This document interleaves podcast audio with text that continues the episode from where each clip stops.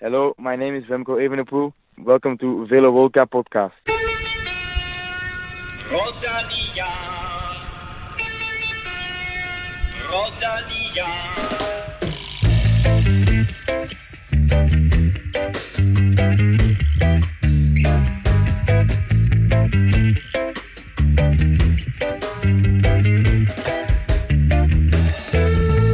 Vanvittigt styrt i Liège Bastogne Liège med 35 mand og en verdensmester, der nu misser Tour de France, kunne ikke fjerne fokus fra en kæmpe præstation af Remco Evenepoel, der vinder sit første monument på fornem vis.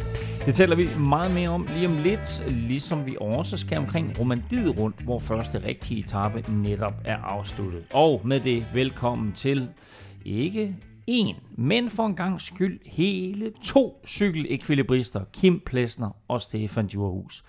Kim, du er kommet over din Peloton-flue, og der må jeg spørge, var det dr. Roman Bardet, der kom der til undsætning? Jeg, siger, jeg kunne godt have brugt en, øh, en, en Roman Bardet, da, da jeg lige var inde og vende på, på hospitalet i sidste uge, men øh, når man ser, hvad der er sket med, med, med Alaphilippe, så skal man måske bare være, være ret godt tilfreds med der, hvor man er.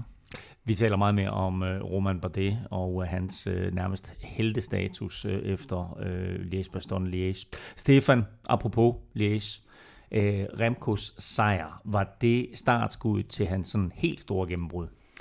Ja, nu vil jeg sige, at han har lavet nogle store ting allerede nu, men jeg vil sige, at han, han får ligesom kronet sit comeback, øh, som han har været på øh, efter hans øh, styrt i Lombardiet, hofteskaden og så nedturen i, øh, i Giroen sidste år. Der har han været lidt, øh, lidt udskilt, og øh, det, det får han altså vendt for, for alvor nu, så han er, han er bare lige så god, som, som vi troede, han var.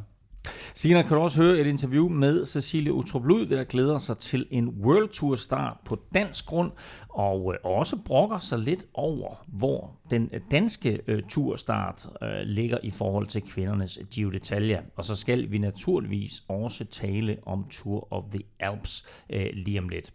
Vi skal også quizze og have uddelt en kop til en af jer dejlige mennesker, der støtter på tier.dk. Uden jer, ingen podcast. Tak til alle, der har været med i lang tid, og velkommen til HK. Øh, ja, Nå. det, det var det. det, var det. Der er en ny siden sidst, men hey HK, Jørgen super HK. fedt. Tak. Jeg ved ikke, om det er Jørgen HK, jeg tror det ikke. Men øh, tak for støtten, øh, HK. Velkommen til. Og, øh, og så endda med et meget, meget flot beløb øh, til øh, alle andre, der sidder på jul. Måske var det tid til at få en lille bitte smule vind på næsen og komme med ind på tiervognen. Mit navn er Claus Elming. Du lytter til Velropa Podcast, præsenteret i samarbejde med HelloFresh og Odset. Europa Podcast præsenteres i samarbejde med Odset fra Danske Licensspil. Vi glæder os til sommer og Tour de France på dansk jord, hvor Odset er stolt sponsor af Grand Depart Danmark. Følg med på Odsets hjemmeside eller i appen. Husk, at du skal være minimum 18 år og spille med omtanke. Har du brug for hjælp til spilafhængighed, så kontakt Spillemyndighedens hjælpelinje Stop Spillet eller udluk dig via Rufus. Regler og vilkår gælder. Men inden vi skal tale Liège, så skal vi lige omkring Tour of the Alps, der sluttede i fredags og fik en magisk afslutning. Øh, I sidste uge, der nåede vi faktisk lige akkurat at få resultatet fra fjerde etappen med, øh, hvor, øh, som, som var en etape, hvor øh, Thibaut Pinot var meget tæt på at snyde feltet fra et morgenudbrud, øh, helt alene i front på det sidste bjerg, men så stryger Superman Lopez forbi til allersidst og stjæler sejren mens Pinot blev toer, og Stefan han var meget øh, følelsesladet, meget berørt af det her i mål. Ja, det var meget synd at se. Altså, han, øh, han, han har jo været, haft problemer i lang tid, øh, og har let efter den her sejr, som, som kunne give ham noget forløsning, øh, og få lukket det her kapitel, som han har været igennem. Han har ikke vundet noget siden Tour de France i 2019, og der vandt han jo en, en meget flot etape på Tourmalet, og, øh, og senere i det Tour de France, der udgik han med en skade i lårmusklen. Øh, han lå altså nummer 5 på det tidspunkt, han, han udgik. Så, Og så, vi snakker om, at der var en chance for, at han kunne vinde det hele. Og så Ja, altså han lå jo godt til, altså som sagt øh, nummer 5, og, og der var stadig øh, etapper, vigtige etapper tilbage af, af Tour de France, øh, så det var jo en grædende Thibaut Pinot, der måtte sætte sig ind i bilen, og det var meget følelsesladet. Øhm, så året efter, i, der, øh, der så han faktisk også ud til at være klar til, til at køre et rigtig godt Tour de France, efter han var blevet nummer to i, i Dauphiné. Men han styrter på første etape, Øh, og der er det altså, at han får den her rygskade, som så har plaget ham i, i lang, lang tid nu. Øh, så, så det var altså det, øh, han har bøvlet med i, i tiden op til. Så, så det var meget synd for ham at se, se, øh, hvor tæt på han egentlig var for at få den her sejr, som han har let efter i lang tid. Og, og så blev han altså det bare desværre snydt øh, inden for den sidste kilometer. Men nu brugte du ordet forløsning. Og det kom jo faktisk dagen efter Kim. Ja, det, det var som om, at øh, han skulle bare have den her sejr, kunne man se. Stikker afsted igen i udbrud og, og, og, og sidder med, med De La Cruz til sidst, David De La Cruz.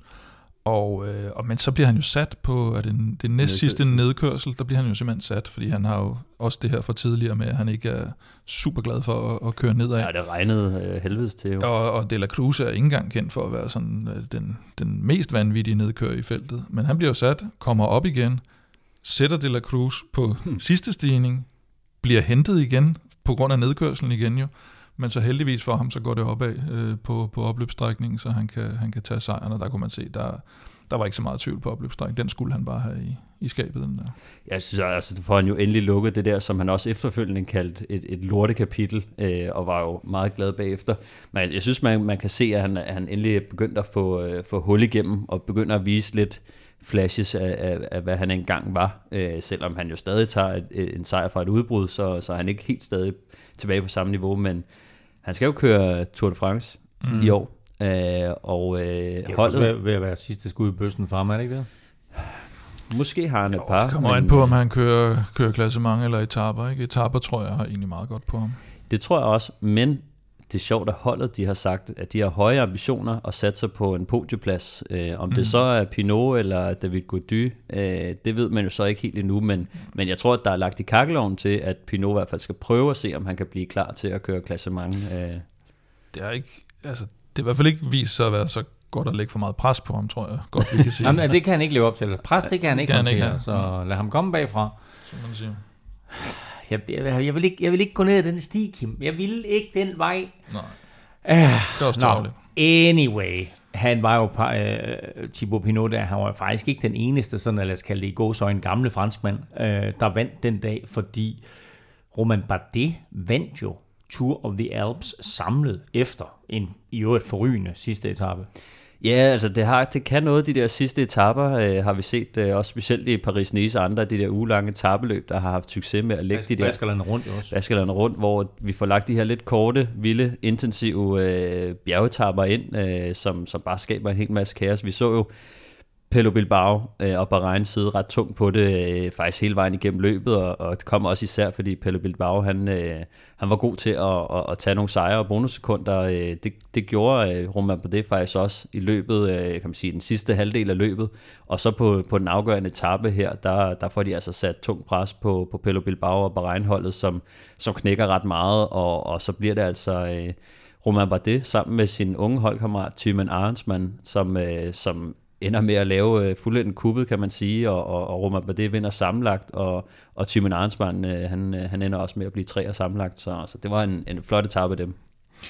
Ja, det er jo altså, både, både Pinot og Bardet har, altså, kender vi jo fra der, da de, da de brød igennem, der hvor man lige pludselig troede, at nu, nu kom der en stor fransk øh, guldaldertid nærmest, hvor det var øh, Perrault og Pinot og Bardet, der blev sådan i, i top 5 alle sammen. Ikke? Øh, jeg tror, det var i 14, da, da Nibali vandt og, og så har de jo begge to haft deres, deres podiepladser samlet, men, men så derfra, så er det jo af den ene og den anden grund gået mm.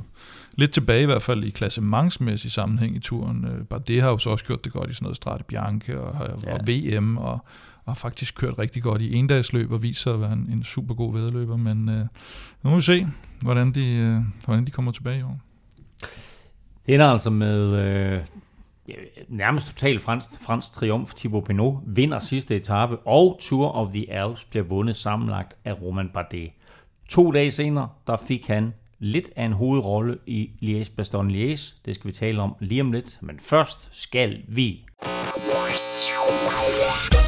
Vise... Og mens du var væk, Kim, der har jeg også scoret et par point. Så stillingen Nå, ja, nu er Stefan 5, Claus 5, Kim 6. Uh, ja. Ja, så du fører stadigvæk, og nu går der nok et stykke tid, inden jeg får lov til at være med igen. Men øhm, jeg overvejede lidt forskellige muligheder til quizzen i dag, men jeg tænker, at vi senere skal tale romandiet rundt, så der kommer lige et uh, lille hurtigt spørgsmål til jer. Uh, vi har faktisk aldrig haft en dansker på podiet i romandiet rundt. Vidste I godt det? Nu ved I det. Nej. Anyway, nu ved I det. Men der er tre danskere, der har vundet en etape i romandiet rundt. Der er et point for hver af de tre danskere, I kan. Det var ikke det, jeg havde regnet med, at du ville spørge om. Nej. Jeg havde regnet med, at du ville spørge om, hvornår der sidst havde været et rent belgisk podie i uh, Liège-Bastogne-Liège. Oh, det, her, det var også et godt spørgsmål, faktisk. Det var 1976. Det er det eneste, jeg ved. Jeg har, faktisk, jeg har faktisk også, øh, jeg havde faktisk også tænkt, øh, fordi nu fik vi jo tre belgier på podiet, så havde jeg tænkt, hvornår var det sidst, at øh, der var fuldt, fuld samme nationalitet på, Ah. på, på hele podiet. Ja. Og det tror jeg Og var Spanien i, nej, det var i Italien i sådan noget, nullerne, 2004, 2000, deromkring, Ah, Okay. øh, med Bettini, Gazelli og Ivan Hvor er, Barso. hvor er hen? Altså, vi er ikke engang kommet til Liège nu. Vi er i gang med quizzen. Ja, Ja, ja, ja. Men, øh, vi, Spørgsmålet vi, det er blevet var, avanceret hvilke jo. tre danskere har vundet en etape i romandiet rundt? Der er et point per tre rigtig- danskere. Ja, Kim. Og jeg synes, det var to. Nej, der er tre danskere, der har vundet en etape i romandiet rundt. Mm-hmm. Der er et point for hver. Mm-hmm. Er spørgsmålet forstået? Men nu er det forstået. Godt. Så har jeg kun én ting til jer to, og dig, der sidder og lytter med. Lad nu være med at google. Årets udgave af Liège Baston Liège blev vundet af en rytter, vi efterhånden ikke længere kan tillade os at kalde stortalent. Remco Evenepoel er en veritabel superstjerne, og den måde, han tog sejren på, var både smuk og overbevisende. Men det traditionsrige monument blev desværre skæmmet af et voldsomt styrt, hvor 35 ryttere var impliceret. Hvad skete der sådan helt præcist? Ja, man kan se ud i, i højre siden af feltet, altså det vil sige til venstre for, når man sidder og kigger på det for, på tv forfra, at, øh, at der er lige pludselig en, en øh, total energirytter, der, der kommer sådan ud i rabatten, eller, eller kommer op og ride på, på et hjul, og så lige pludselig så er det bare altså kejler, der bare vælter hele vejen, højre og venstre side. Øh, så, og, så er det, og så er det jo i høj fart, ikke? 70-80 km i timen, så det går rigtig, rigtig galt. Og så... Øh, så kunne man godt, eller jeg, jeg, stod, jeg troede faktisk, det var Søren Krav, da jeg så det der med, hvor jeg siger, der skulle en eller anden DSM-rytter, der kigger efter en nede i, i grøften der, eller nær sagt, eller nede i skoven. Mm. Og så tænkte jeg, så var det en hvid, øh, sådan lidt hvid trøje, og så tænkte jeg, kan jeg vide, om det er ham fra Total Energi, der så ligger dernede, ham der ligesom får styret. Og så synes jeg godt, man kunne se nogle verdensmestertrøjer, og så begyndte jeg at gå på Twitter og tænke sådan lidt, hvad, hvad, hvad, hvad der kommer meldinger der, ikke? Og så er det Alain Philippe, der ligger dernede og er jo nærmest kørt ind i et træ, eller blevet, blevet kastet ind i et træ dernede, og, og bare det, han, øh, han, han, han stopper simpelthen øh, med at køre. Det ser ikke ud, som om han er kommet sønderligt til skade, men kan simpelthen se, at han, øh, han har det ikke godt, så han venter simpelthen og prøver at tilkalde hjælp. Og, og der går et, jeg synes også, der går for lang tid, for man kan godt se, at han står og kalder på hjælp der. Og man kan bare se, at der kommer ikke, altså hvornår kommer de der lægefolk, men der kommer bare mekanikere løbende med hjul og så videre, ikke? Øh, Men, øh, Mange, rigtig mange var impliceret i styret, rigtig mange slog ja. sig rigtig meget, men allerhårdest gik det altså ud over verdensmester Julian Alaphilippe, som øh, du siger, Kim ryger ud over kanten og øh, stopper øh, meget bræt, da han rammer mm. et træ. Øh, han brækker skulderbladet, hvilket jeg skulle så sige, gør rimelig nas. Øh, han brækker flere ribben, han punkterer en, en, en lunge, og øh, han har angiveligt også svært ved at trække vejret. Men øh, som du er ved at forklare her, så viser mm. Roman Bardet sig altså som lidt som, øh, som dagens helt store held. Ja, altså for, mest fordi, at han, altså, han har lige vundet Tour of the Alps. Han er blandt uh, store favoritterne i, i Liège, Bastogne Liège. Han er ikke umiddelbart selv kommet noget til, så, så en lidt mere kynisk attitude, så kunne man godt sige, det der, det er der nogle andre, der må ordne, og så øh, altså, feltet er jo stoppet. Jeg må videre. Jeg, må, jeg, jeg, han kunne godt have været nået op til frontgruppen igen, som flere andre gjorde, der ikke... Øh, men det, han viser selvfølgelig en, øh, en menneskelig side, kan man sige, og, og har jo også altid været, øh, i hvert fald haft det her image som sådan en lidt mere sympatisk, lidt mere eftertænksom rytter, øh, der går lidt sin egen veje, og, og også det her med at forlade et fransk hold for et udenlandsk hold, fordi karrieren ikke lige kører og sådan noget, så har været lidt en fanfavorit, og det, det gør det nok ikke mindre, det han, det han gør her. Har I oplevet øh, noget lignende, øh, sådan mellem konkurrenter, øh, for eksempel Stefan i din tid, øh, da du, øh, eller da du var ved, ved CSC? ja, ja, altså jeg, jeg har, eller vi er jo mange, der oplevede det med, med en, der i hvert fald på et tidspunkt kørte for Team CSC, nemlig øh, Jørg Jaksje, som jo, som jo stod ved, ved øh, Beloki, da han havde det her frygtelige styrt, der ødelagde hans hofte da, på nedkørselen. Øh, jeg kan ikke engang huske, hvad bjerg det var.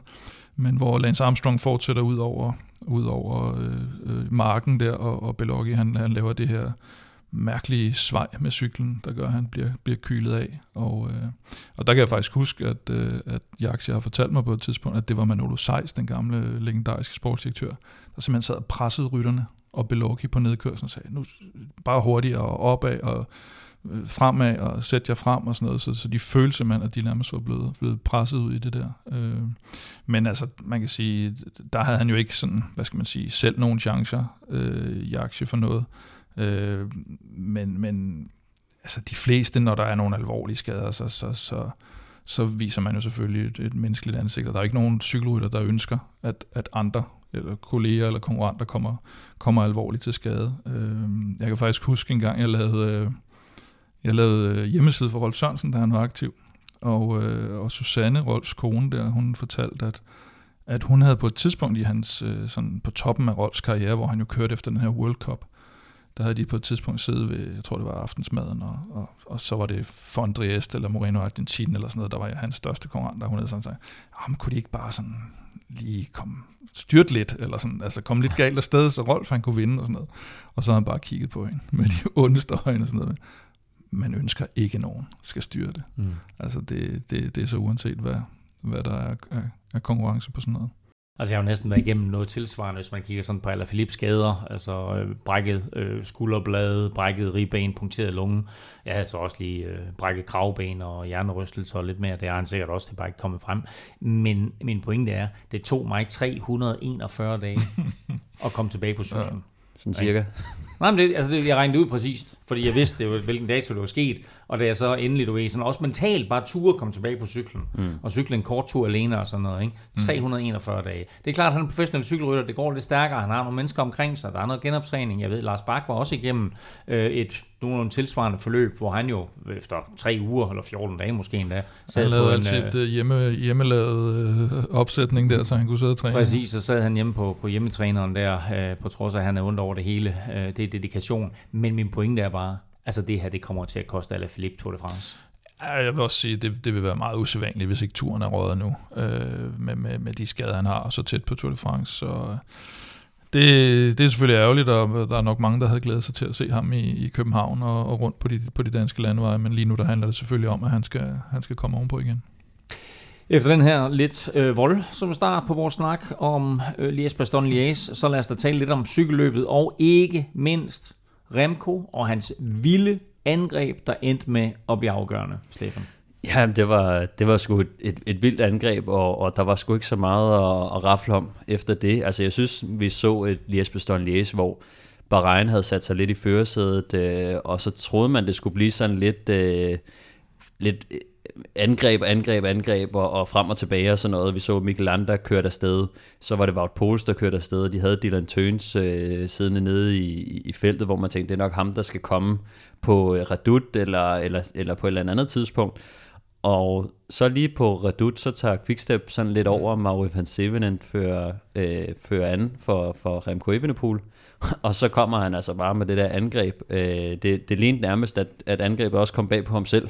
altså, det var virkelig... Øh, det var faktisk øh, det var rigtig godt skuespil, vil jeg sige. Altså, øh, som han overhovedet ikke sad og, og lagde an til noget som helst. Og, øh, og så lige pludselig var han bare skudt ud af en kanon. Og man kunne se, at jeg tror, øh, var det Nelson Paulus, der var den eneste, der sådan reelt set nåede at reagere men han havde bare ikke benene til at, at, at lukke de der meter, der var i starten, og, og så sakkede han altså bare bagud, og Remco, han, øh, han var bare over stok og sten øh, forholdsvis hurtigt. Det, det tog lidt lang tid, øh, før at der blev sådan reageret. Jeg tror, Fuglsang øh, prøvede at køre hen over toppen på Redut, men, men blev så hentet igen. Og, øh, og så var det ellers bare, øh, så var det ellers bare derudad, men, men de, de havde altså svært ved at få hentet ham igen. Og den her slags angreb, med den kraft, og så med 30 km igen. Altså, det var den måde, at Remco han blev en legende på i juniorrækken. Øh, er vi der nu også, at han kan begynde at gøre det her øh, hos de professionelle? Øh, ja, han kan gøre det, han gjorde her i hvert fald, og det var sindssygt flot, men der er ret langt for det, han lavede i juniortiden.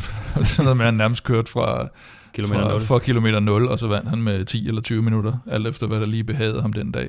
Så, så det kan han trods alt ikke, og det er jo det, han har lært nu, at øh, det netop ikke er juniorcykling. Han, han har jo øh, han har doseret sine kræfter, han har lært at tøjle sig lidt, og venter jo rent faktisk til først 30 km før målstregen, ikke? Og, og på næst sidste stigning.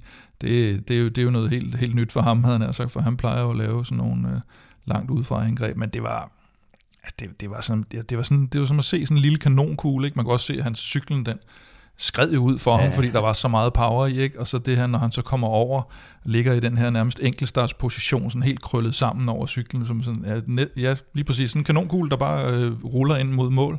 Og øh, jeg så i dag, hvem fanden var det? Jeg tror, du, det var ham. Du, der, du sendte en kommentar uh, videre til os. Jeg tror, det var ham, øh, Roberto, Roberto Vacchi, ham der, den, øh, den svenske Eurosport-kommentator, som også, det var sådan noget, hvad var det, 46 i snit, han havde kørt de sidste 30 med, inklusiv øh, den sidste stigning. Ja, altså helt vanvittige tal, han havde, han havde kørt med der. Men, men igen, så var der også bare sådan en, hvor man kunne se, nu skulle al den her frustration fra, øh, fra, fra, hvad skal man sige, de seneste måske par sæsoner, hvor det har været sådan lidt, lidt skravet på for ham, ikke i forhold til det her wunderkind, han har været, nu skulle, nu skulle de sat med for at se, at øh, han også kunne på det her niveau. Så det var, øh, det var rent spektakel, det der. Og det der, kan man sige, alt, alt det, han har været igennem, det startede jo måske med hans voldsomme styr i Lombardiet rundt, øh, som selvfølgelig satte hans udvikling lidt på pause. Øh, så havde han den der fiasko i Giroen sidste år, hvor Quickstep ville køre for ham, og så kollapsede han fuldstændig. Øh, og så er han jo blevet kritiseret, øh, både for det, men også lidt for, for manglende tekniske færdigheder. Nu svarer han igen, Stefan, her med sejren, og den må han gøre det på i Liège. Ja, altså jeg, jeg synes først og fremmest, så øh, altså, synes jeg faktisk, at kritikken har været øh, alt for voldsom. Øh, vi har at gøre med en, en, en dreng, kan man sige, som han er 22 år gammel, og så kommer han jo, kan man sige, det er jo forventningerne, der er blevet presset så højt op, at du nærmest kun kan skuffe, fordi at, som, som da han kom fra juniortiden, som Kim også siger, rykker fra kilometer 0, øh, jeg tror faktisk til EM var det sådan noget med, at han rykkede fra start, og så kørte han hjem med 20 minutter mm. til nummer 2. Mm. Øh, altså, det er jo sådan nogle ting, han lavede, og det gjorde han jo over det hele, ikke? I, i sin debutsæson som senior øh, i 2019. Han er født i øh, januar øh, 2000 og, øh, i år 2000, ja. så det er nemt at holde styr på hans alder.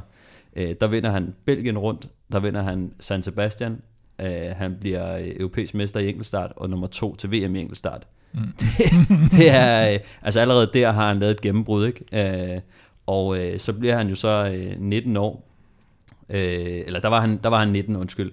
Uh, da han så bliver 20 år, der vinder han alle de fire ugelange tabeløb, han stiller op i, uh, og slutter så af med World Tour løbet Polen rundt, uh, som han selvfølgelig også vinder.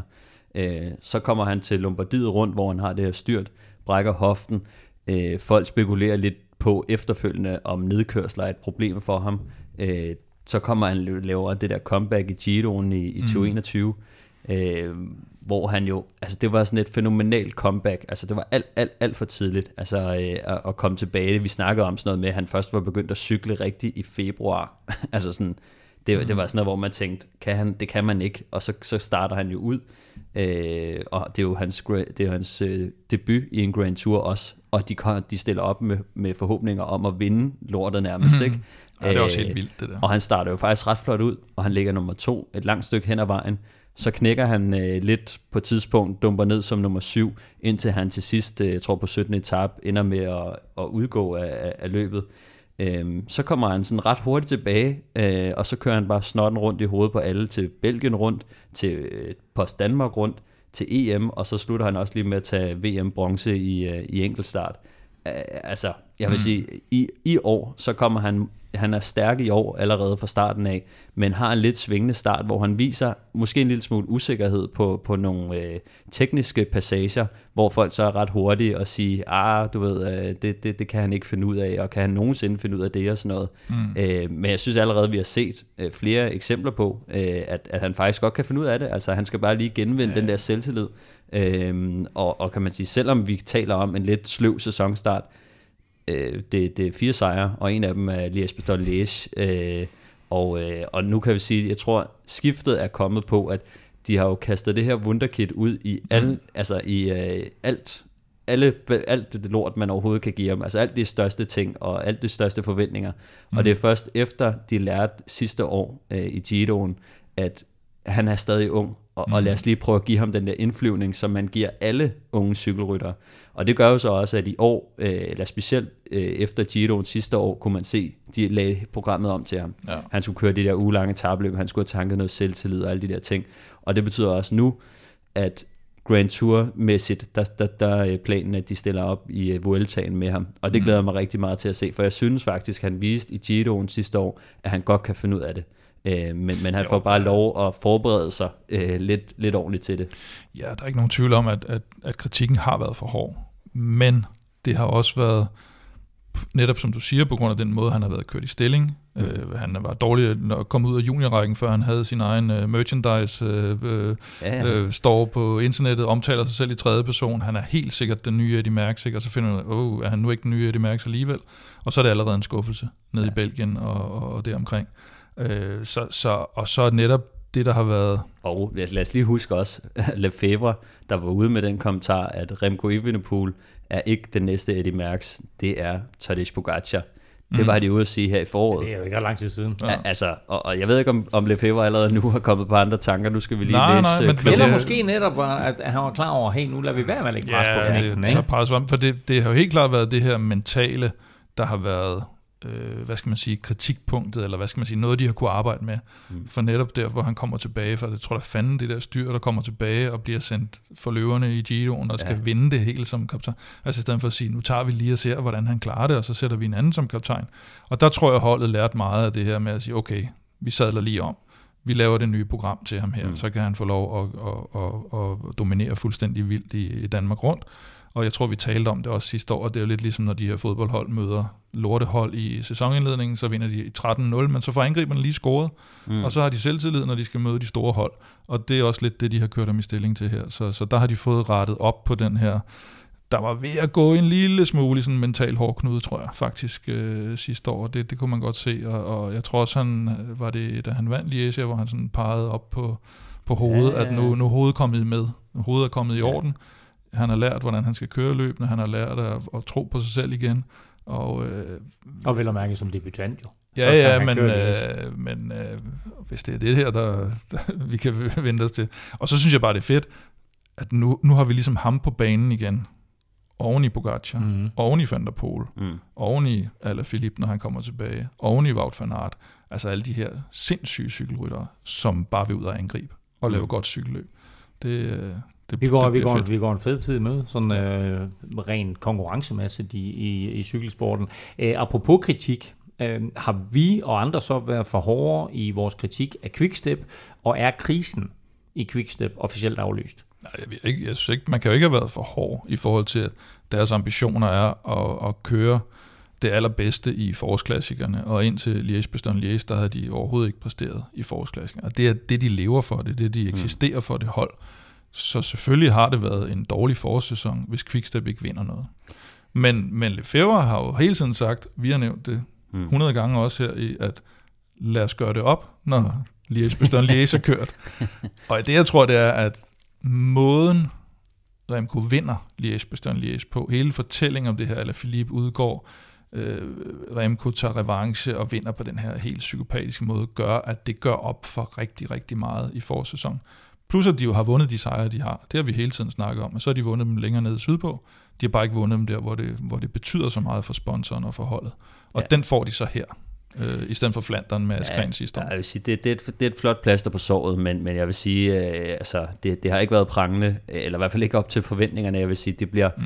de bliver reddet ret meget i forhold til, at de alligevel har fået en del sejre, og de er bare kommet fra Øh, Fabio Jacobsen, Cavendish, Bajoli har taget lidt, Josef Czerny har skulle taget en sejr, og øh, ham her Ethan Vernon, den unge øh, sprinter. Mauro Schmidt. den, Mauro Schmidt har lige taget en sejr, og sådan noget. Det, har, det har været i nogle, nogle, altså det har været nogle fine sejre i nogle etabeløb, hvor de måske ikke har haft samme forventninger. Kernen af dem, der skulle præstere på, på det højeste niveau, de, de har altså skuffet lidt, og der taler vi jo selvfølgelig om Alaphilippe, øh, lille smule Remco, nu vinder han godt nok, hvis, hvis du tager Lies Bastogne Lies ud, øh, så, så har det ikke set super fedt ud for ham. Så er der Askren, øh, hvad hedder det, Lampard, øh, alle de der mm. gutter, som har gjort, de har vundet øh, Køren Bruxelles kørende, øh, Milano Torino vandt øh, Cavendish, og så tager de Liège Bastogne Liège som de store sejre. Men hvis man bare sammenligner det med sidste år, hvordan de præsterede der, hvor det var et, et kan man sige, et godkendt forår, der vandt de omløb, de vandt E3 Harlebække, de vandt Flandern rundt, de vandt de Panne, og de vandt Flesh Vallon.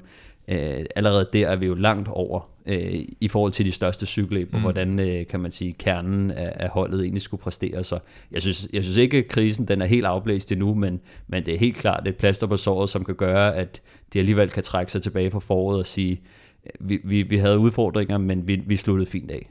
Ja, du kan også sige, at de har haft en del sygdom, ikke? så de kan, jo, jo. de kan ligesom sige, at... Uh, Men det, tror jeg, det tror jeg, det gælder hele vejen rundt for, for alle. Ja, ja, ja, og der er heller ikke, Askren har jo også været ude at sige, at, uh, at han er jo heller ikke tilfreds med den måde, hans, mm. hans forår har været kørt på. Så det er jo, det er jo ikke fordi, at, uh, at de selv, uh, hvad skal man sige... Uh, nægter, at de, at de ikke har kørt så godt. ja. De ved jo også godt, at de ikke har kørt så godt. Det er jo egentlig bare en konstatering. Det er jo ikke så meget en, en kritik egentlig. Fordi det men det er også et spørgsmål om faktisk, at selvfølgelig at betyder det rigtig meget for dem at vinde alle de her løb her, men det er også et spørgsmål om, at der er rigtig mange ryttere lige nu, der kan vinde cykelløb, mm-hmm. og hold, som måske ikke helt frygter quickstep på samme måde, som man gjorde før. Grunden til, at jeg tænker også, at vi snæver os lidt ind på øh, krisen og sådan noget. Jeg så også, øh, at der var nogen, der begyndte at snakke om, hey, skal, skal Remco til turen?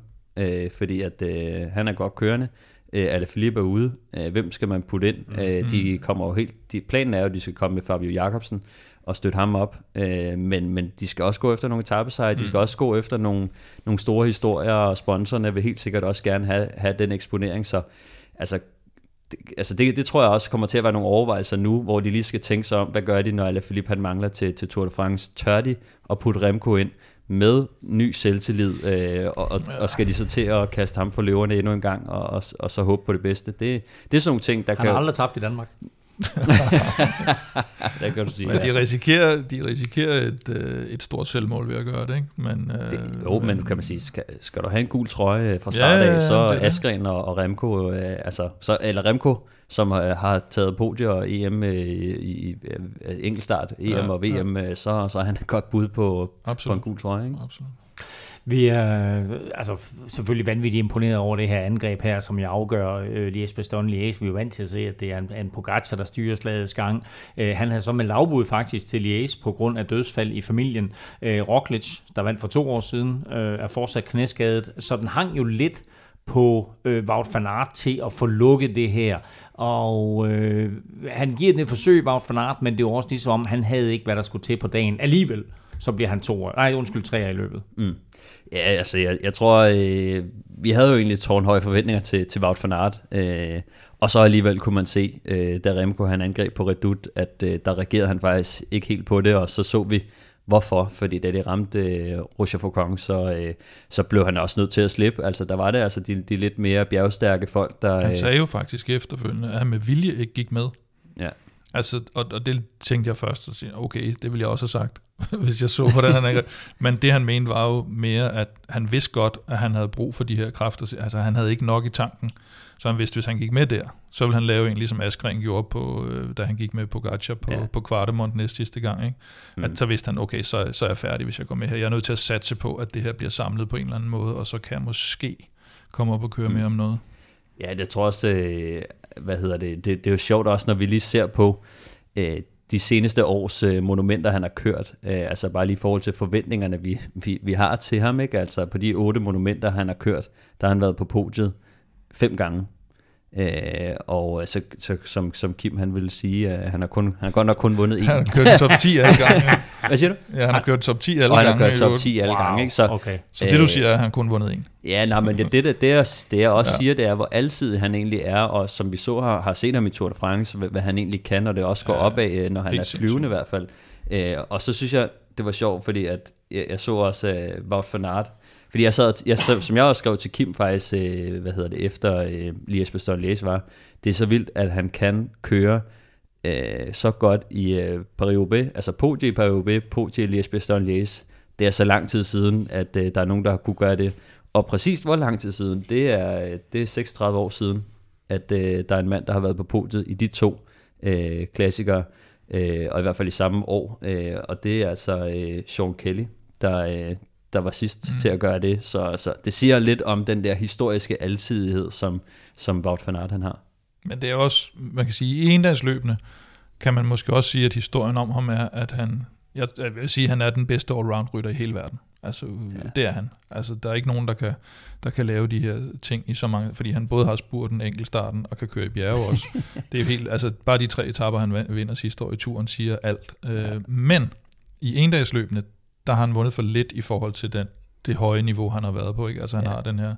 Der synes her, jeg, han mangler noget taktisk snille, helt klart. Ja. Altså i forhold til, at øh, da vi også snakkede omkring øh, ham op til Milano Sanremo, hvor jeg også sagde, altså, da du spurgte mig, hvordan slår man bare for nat, og det, det gør man bare ved at angribe og angribe, fordi han tager så meget ansvar, mm. at så kan du faktisk godt køre ham ned. Ikke? Og, og kan man sige, Lies Don Lies var historien lidt noget andet, øh, men, men alligevel, ja, ja. altså at der har manglet en lille smule af den der kølige, kølighed, øh, og det har man også set øh, Mathieu van der Poel har også selv været ude at sige det der med, det er sjovt at køre de der vanvittige cykelløb og prøve at angribe udefra og sådan noget, men nu, nu skal han også lige have hovedet lidt med, fordi det er sgu sjovere at, at vinde cykelløbene, end at, end at ligge alene øh, i front i 80 km og så blive hentet til sidst. Så, så det, det tror jeg også er noget, som Wout van Aert stille og roligt kommer til at, at spore sig lidt ind på. Det, det er jo bare noget, som man naturligt lærer hen ad vejen. I løftede sløret for det øh, under quizzen, øh, der er jo løb fuldstændig af sporet, men det blev jo faktisk i Liège, øh, det her belgiske løb, et fuldt belgisk podie, hvor en, øh, apropos Wout van Aert, en, en, en lidt ubeskrevet rytter fra øh, Intermarché faktisk øh, slog Wout van Aert på stregen, så han blev to og Wout van Aert kun treer. Ja, altså han er, øh, Quinton Hermans er det jo, øh, som er ukendt øh, for mange i forhold til landevejscykelløb. Hvis man har lidt interesse i cross, øh, så, så kender man ham sikkert, fordi at han er en af de bedste crossrytter i verden, og, øh, og altså, sige, han er jo en 26-årig belgier, som, øh, som har kørt cross i, i mange år, øh, og har været rigtig god til det, og øh, selv i, i år har han kørt i crosssæsonen i år, der har han været på podiet flere gange, og øh, han har vist også vundet et enkelt cykelløb, øh, og, øh, og blev endt med at blive nummer 5 øh, på verdensranglisten i, i hele crosssæsonen, så øh, han, han er en, en rigtig, rigtig dygtig rytter. Det var først sidste år, at han øh, fik kontrakt på et, øh, på et World Tour hold som øh, Intermarché, og, øh, og der kan man altså se, at han har også oppet sit niveau lidt øh, i, i landevejscykelløbene.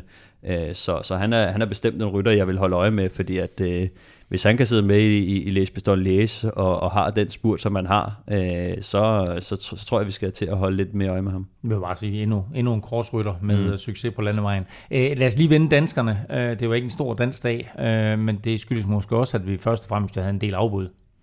Ja, øh, Andreas Kron meldte ud, øh, det var sådan lige op til løbet nærmest, at, at han kom ikke med på grund af sygdom. Det, det, var, det var måske den værste sammen med, med Alexander Kamp, som jeg havde kørt, øh, kørt helt fantastisk flot.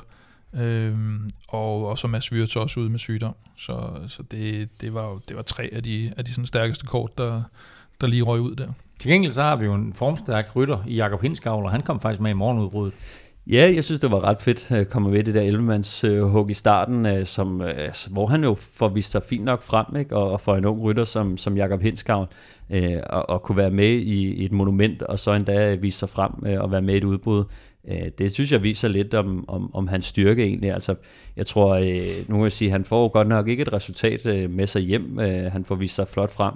Og så synes jeg bare, at det vigtigste for ham er også, at han, han kan sidde i sådan et udbrud og ikke falde igennem.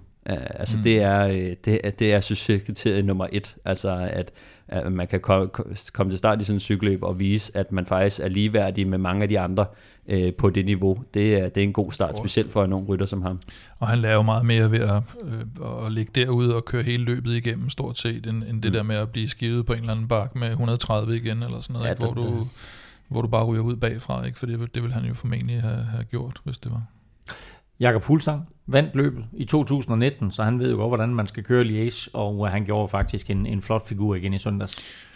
Ja, i forhold til, ja, det virker ikke som om han sådan er helt på, på maksimum endnu, så, så viser han jo det der bundniveau, han har, som, og, og sidder med fremme, og var en af de få, ligesom øh, Paulus, der, der sådan forsøgte at gøre et eller andet, da, da Remco kørte. Ikke, ikke fordi, at de sådan var i nærheden af rigtigt at fange ham, men, uh, men det viser at uh, han, han har trods alt noget, noget overskud i, i, i et stort løb, og, og forsøger også lidt til sidst i finalen, og køre noget lead-out for, for, for Michael Woods, men resultatmæssigt bliver det, jeg tror, det bliver 10 og 13 eller sådan noget. Ikke? Så det er jo ikke, fordi de får, får det store ud af det, øh, øh, så, men, men at, at tro på, at de kunne komme på podiet i den situation, som løbet havde udspillet sig, så det var nok også lidt, lidt meget at forvente. Men altså, man må også tage den af for, for Fuglsang, at, at han jo øh, er lidt ligeglad med egen top 10 placering. Han kunne helt sikkert være blevet top 10, hvis han ikke havde kørt den spurt for Woods. Nå så... ja, det, når du har først har vundet løbet før, så tror jeg en 6. plads eller en 13. plads, det er sådan... Er du ligeglad? sådan Betyder det ikke noget på CV'et? Sådan en, en, en Om jeg er lidt- ligeglad, lidt, eller lidt, siger lidt sen alder. Nå nej, men altså, ja, du kan, Ja, du kan det- jo ikke begynde at spekulere, hvordan Jakob han tænker, men altså... Jeg tror Jeg vil sige, øh, for Jakob nok ligegyldigt, Ja. for Israel, øh, som ligger lige til nedrykning, ja, de, øh, de, er nok lidt, de kunne nok godt have tænkt sig sådan en femte og en sjette plads. Men det, Woods plejer egentlig også at være en okay afslutter, synes jeg. Øh, Det virker Ja, ikke som bestemt. om, at han er, er sådan helt, hvor han skal være heller. Nej, altså jeg, før, ja, da jeg skrev med Mads Wirtz for noget tid siden, der sagde, der sagde han, at uh, Woods han har simpelthen været flyvende. Altså, Nå, okay. øh, så, så, jeg ved ikke lige på dagen, hvordan han har haft det og sådan noget, Nå. men han skulle efter sine i hvert fald være, være rigtig godt kørende, så, og, og, og også derfor, at, at Jakob kører, kører lead-out for ham til Mm, sidst, mm. fordi at øh, de jo tror, at han faktisk kan, kan, kan, kan Mm. køre, men, men jeg tror, øh, han plejer at være bedst, når det går lidt opad, og, og ja. de afslutninger der, øh, når, når, når der kommer lidt mere fart og, og, og kan man sige, ren, ren finale Ah. og snille med ind, så, øh, så er han nok knap så god. Og det skal lige sige, når vi siger, at de kører spurt her, så var det vel at mærke om anden pladsen, fordi mm-hmm. Remco han var kommet ind 20 minutter tidligere. 20 Øh, minutter? Ja, 20 minutter. ja. Øh, altså, jeg må, jeg må sige til gengæld, at jeg er en lille smule bekymret for Jonas Vingegaard. I sidste uge, der lægger han sådan billeder op med et stort smil på de sociale medier, om at han glæder sig til, til at denne ugen. Så udgår han af Flash, og han bliver hurtigt sat her i Liège, og ender også med at udgå. Hvad sker der? Ja, altså, du, du, jeg vil sige, det, det må jo næsten være en eller anden form for sygdom i kroppen, fordi det, at være der tilbage, der er, er der over 100 mand tilbage, hvor han bliver sat. Mm. Altså, det, det skal man jo ikke. Altså, det kan han jo nærmest køre bare på, i helt almindelig træningstilstand, han nær sagt, sidde med der, med den rytter, han er. Så der er jo et eller andet, der er, der er off, øh, også fordi vi har set ham vinde et endagsløb tidligere i år, så det, og, og formen burde jo være sådan nogenlunde på plads på det her tidspunkt af sæsonen, så, så der er et eller andet, der, der er forkert. Det er jo ikke, at han lige pludselig bare er blevet en, en dårlig cykelrytter hen over natten. Nej. Øh, så, så, men jeg, jeg har ikke set en melding på præcis, hvad det er, eller om de overhovedet ved præcis, hvad det er, man jeg, jeg, udover- så, jeg så også, altså som du også siger, og det, som man så ham i Flash Vallon, altså hvor han jo, altså, Ja. ja. øh, altså der så ned med med skidt ud, der lignede han en pressemand, og, og Ja. de prøvede at køre ham tilbage til finalen på et tidspunkt, og han var fuldstændig blæst, blæst i luften, men jeg synes, det var sjovt at høre, fordi når, da holdkammeraterne snakker om det, der, øh, der, der bakker de jo op om ham øh, efter Flash Vallon, men inden øh, Liège Bastogne Mhm. Liège, Øh, og der sagde de, altså det er, det, det er Jonas Vingegaard og Tis Benot, Mm. øh, når det går opad, og så er det Wout van Aert, vi, vi, vi satser på, øh, hvis, det, hvis det går ind og bliver en, en spurt i en, i en mindre gruppe. Og Sepp Kuss, han var faktisk inde på noget af det, hvor han siger, at det er svært at time formen op til de her endagsløb, øh, og det synes jeg, det har han meget ret i, fordi at det er, altså jeg vil ikke sige, at det er det eneste, mm. det, det, det virker som om, der er noget andet med Jonas, men i forhold til at time formen, og det sagde deres sportsdirektør faktisk også efterfølgende, at Jonas havde haft lidt svært ved at få timet formen til endagsløbene, og, og, øh, og det er bare en, det er en rigtig svær ting Mm. at, at gøre, så jeg tror også, det har været en lille faktor, fordi de har sagt, at han er ikke på 100%, han havde svært ved at time formen op til, til Liège Bastogne Liège, eller endagsløbene i det hele taget. Og det er bare en speciel ting, og det er noget, som jeg tror mange af rytterne, de, de prøver at finde ud af deres egen øh, formel på det, og så prøver man ligesom at replikere det år efter år. Øh, vi ved, at en særlig ting med VM er, at, at der er sådan en kutyme, specielt for danskerne, af, at man går ud og kører en ordentlig dinger tre dage før. Øh, der går man ud og kører sådan en øh, 200-250 km øh, træningstur, uden at træde super meget igennem, men der vil man gerne have noget distance i benene, fordi at man gerne man er, man er bange for den der overfriskhed. Øh, at nogle gange så kan man bare eksplodere på nogle mærkelige tidspunkter, hvis man har for meget friskhed i kroppen.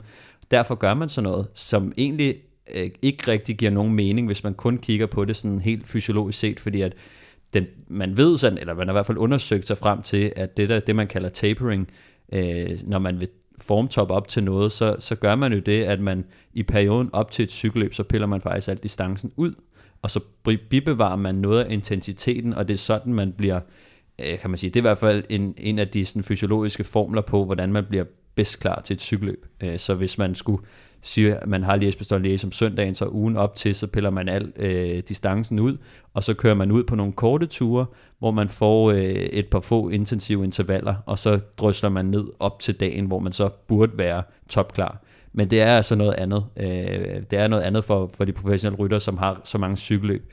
Øh, og, og så er det bare skidesvært, øh, hvilket også gør, at de fleste har fundet deres egne små formler på, hvad der egentlig fungerer for dem.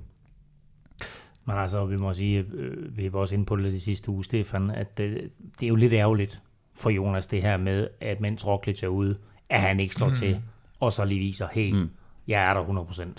Det, det er mega ærgerligt, fordi at øh, kaptajnrollen er lidt op for grabs lige nu i forhold til, at vi ved ikke, hvad der sker med, med Primoz Roglic øh, og knæskaden der. Hvor lang tid øh, skal det øh, skal det til at, at, at genere ham, øh, at Jonas Vingegaard så lige fejler i, i, to store endagsløb. Mm. Det vil jeg nok ikke lægge alt for meget i. Altså, vi kan jo forhåbentlig, at det er en dårlig dag eller en lille smule sygdom i kroppen, som, som måske bare har præget ham på, cykel, på cyklen, og ikke så meget øh, ud over det. Men det bliver spændende at se her i opløbet til, til Tour de France, øh, for jeg tror, ja. jeg tror virkelig, øh, nu, nu glæder jeg mig til at se, hvordan de skal køre hver især, om de får uh, Dauphiné og Schweiz rundt, uh, altså de deler dem, uh, for jeg tror virkelig, vi ser frem mod en, uh, en, en kamp uh, om, om, om sådan, kan man sige, den primære kaptajnrolle. Uh, jeg, har, jeg har svært ved at se, nu, nu, nu skal vi se Roglic, det, det, det vil jeg lige sige først, men jeg tror faktisk, det er en, det er en lidt mere åben kamp lige nu. Det kan være, de satser på Wout van Aert til sidst. det er ikke engang løgn, ja. Resultatet af Liège-Bastogne Liège 2022 blev altså, at Remke, øh, Remco Evenepoel øh, vinder, og det gør han med 48 sekunder ned til en stor gruppe, der kom ind. Og her blev det altså rent belgisk på til Quinten Hermans fra Intermarché Wanty Gobert Martirio, som holdet rent faktisk hedder. Lad os også lige konstatere, at hvis Quickstep har været skuffelsen i foråret, så har de jo nok været... Øh, ja, det, tror, det, det er den positive overraskelse. Ja, det må man sige. Hold ja, helt sikkert øh, stort, stort forår af dem. Øh, og så altså Wout van Aert ind på øh, tredjepladsen, og så nævnt altså bedste dansker Jakob Fuglsang, der kom ind med første gruppe efter Remco, men blev nummer 13 efter han har kørt spurten for holdkammeraten Michael Woods. Aftensmad. Stressende indkøb i ulvetimen. Ingen tid til et hjemmelavet måltid. Med Hello Fresh er oplevelsen anderledes. Du får enkle opskrifter og lækre retter, som hele middagsbordet elsker. Skræddersy din måltidskasse på hellofresh.dk for friskende enkelt. Remco vandt ikke helt med 20 minutter ned til nærmeste modstander, men havde han gjort det, så havde det været nok til lige at kunne nå at lave et måltid med Hello Fresh til alle de andre, der var kommet ind. Se, hvad jeg har lavet, drenge. Ja, det ville være en helt ny, øh, moderne version af, af Bahamontes, der stod og spiste is på toppen af, ja, af, af bjerget. Uh, vi er selvfølgelig glade for, at uh, Hello Fresh de har valgt at fortsætte som partner her på Velropa Podcast, og det har de faktisk, fordi rigtig mange af jer har bakket op om Hello Fresh og deres super tilbud. Uh, Hello Fresh er måltidskasser med sund og varieret kost, masser af muligheder, og du kan prøve fire uger nu med en rabat på 725 kroner. Så gå ind på hellofresh.dk og brug koden VELROPA22. Og nu har vi jo joket lidt med, at du, du får couscous om onsdagen, øh, Stefan. Men øh, Kim, du er jo helt tilbage fra din sygdom, for du har fået couscous i dag. Ja, det var nærmest første gang, jeg lavede mad efter. Det var en, en fysisk anstrengelse, men øh, det var det værd. Øh, og og, og perle, cremet perlekuskus om onsdagen, det, det kan noget, det må jeg indrømme. Det var... Øh, der er, jo, der er jo nogen, der har skrevet på, på Twitter blandt andet det der med, at ja, det er fint, at I reklamerer for det og sådan noget, men lad nu bare være, fordi I spiser det jo ikke selv og sådan noget, hvor man bare sådan lidt, øh, jo, og så, øh, så blev der leveret, øh, leveret en kasse til mig her i dag ret tidligt. Det plejer jo nærmest først at komme om aftenen der, og så tænkte jeg, nå ja, sen frokost, det kunne da godt være. Og så åbner jeg kassen, og så er det første, der er i. du kunne ikke vente. Nå, jeg, havde glemt, jeg havde glemt at gå ind og, og vælge, hvad jeg skulle have øh, her i, i påsken, og så får jeg jo bare det, som de vælger for mig. Og den første, der dukker op, det er bare cremet perlekuskus, så jeg, nu prøver jeg sgu. Det smagte vanvittigt godt, ja. Altså, det, var, det er en ny favorit. Jamen, øh, dermed favorit. Det er godt. Couscous er godt.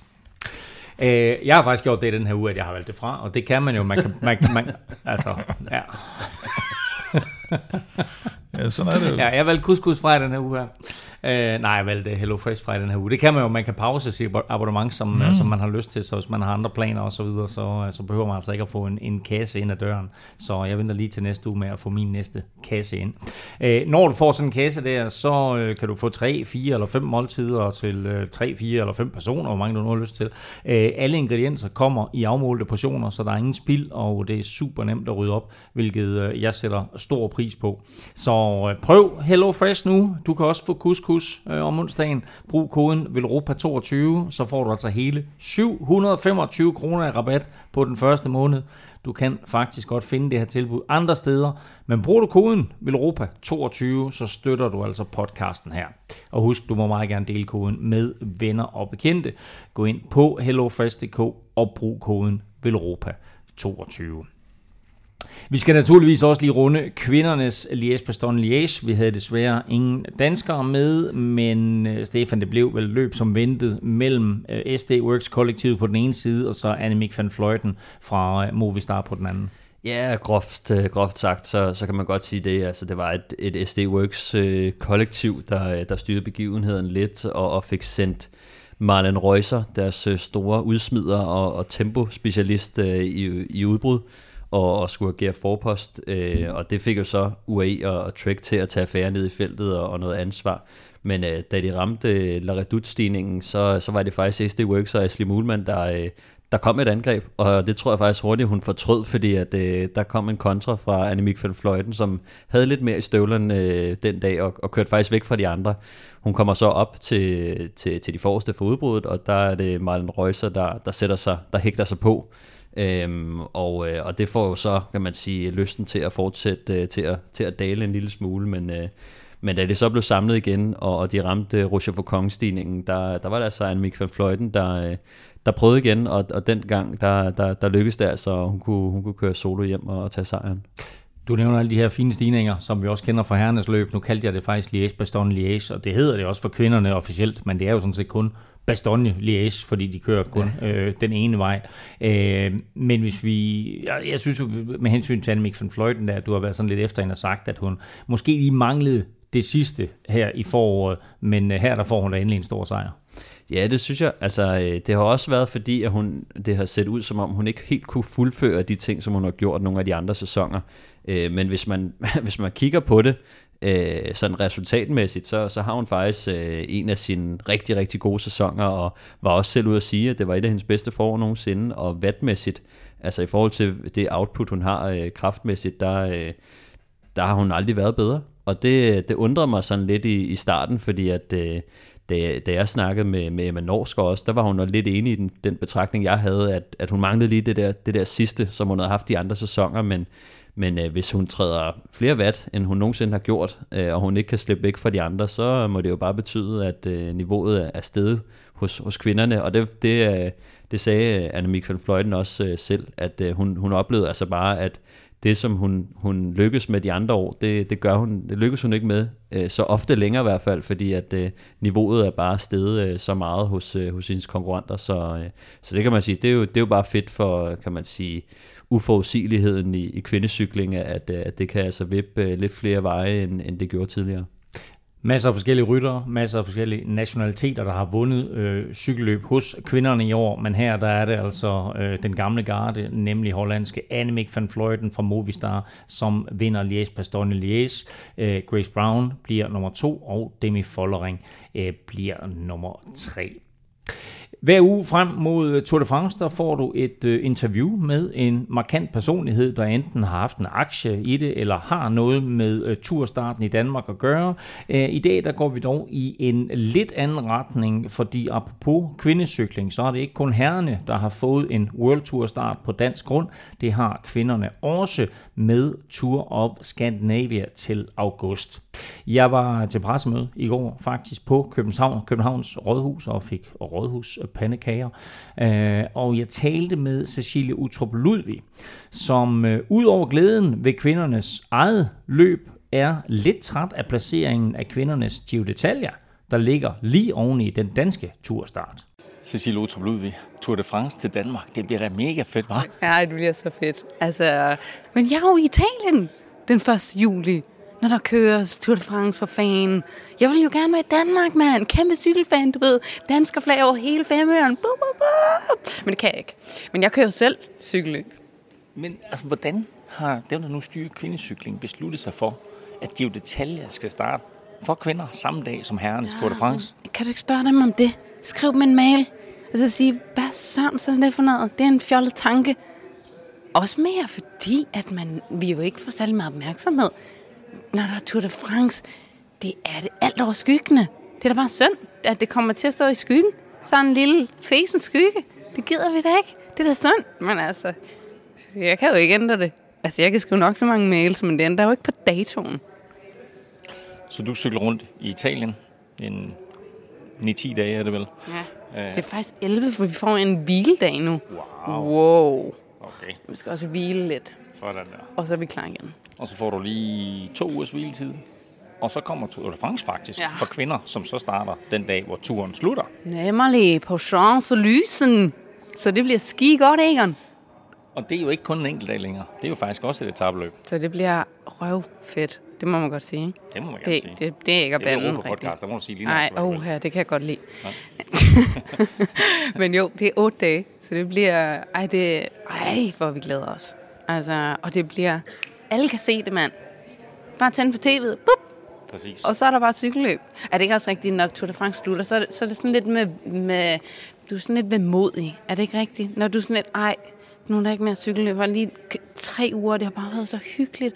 Bare den helikopterlyd, og du ligger på sofaen, og det er bare skønt. Og de der bildage, man ved ikke helt, hvad man skal Nej, lave. Og turen er slut, så man ikke helt, nu kommer der så lige pludselig. En Tour de France for kvinder.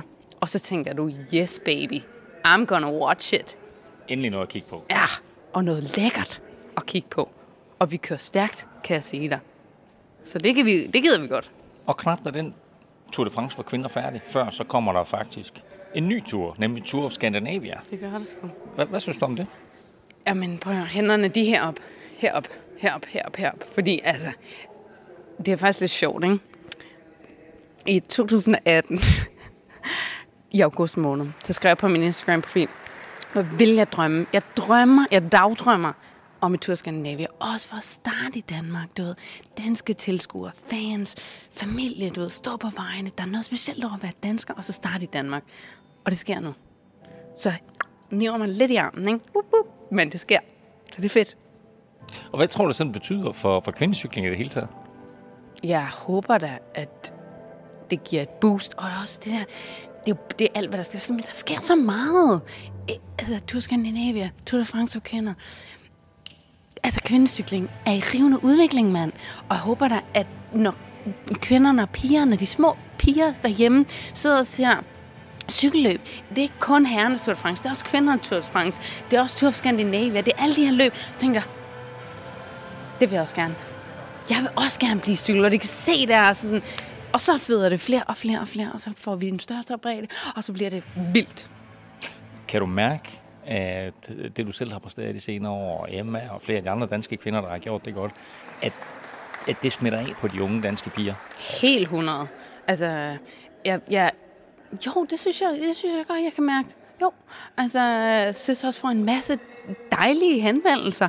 Øhm, man kan sige sådan helt, måske skal vi vente nogle flere år, før vi sådan rigtig ser, tænker jeg, udbyttet. Men nu kommer Tour of Scandinavia, så er der trods alt en chance for, at rigtig mange, det det. både danske mænd, kvinder, drenge og piger, kan komme ud og se kvindecykling. Præcis. Så det skal vi... Uha, det bliver godt. Er der danske etappesejr på første etape? Altså, det tror jeg faktisk. Nu når du spørger mig, så tror jeg faktisk, at der lige lurer en lille dansk etappesejr.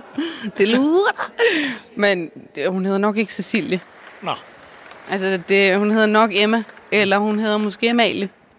Ikke? Vi skal vente til du kommer til Norge. Det er, Det er det det. terræn. Ja, det er mere mit terræn. Ja. Så det venter vi lige med.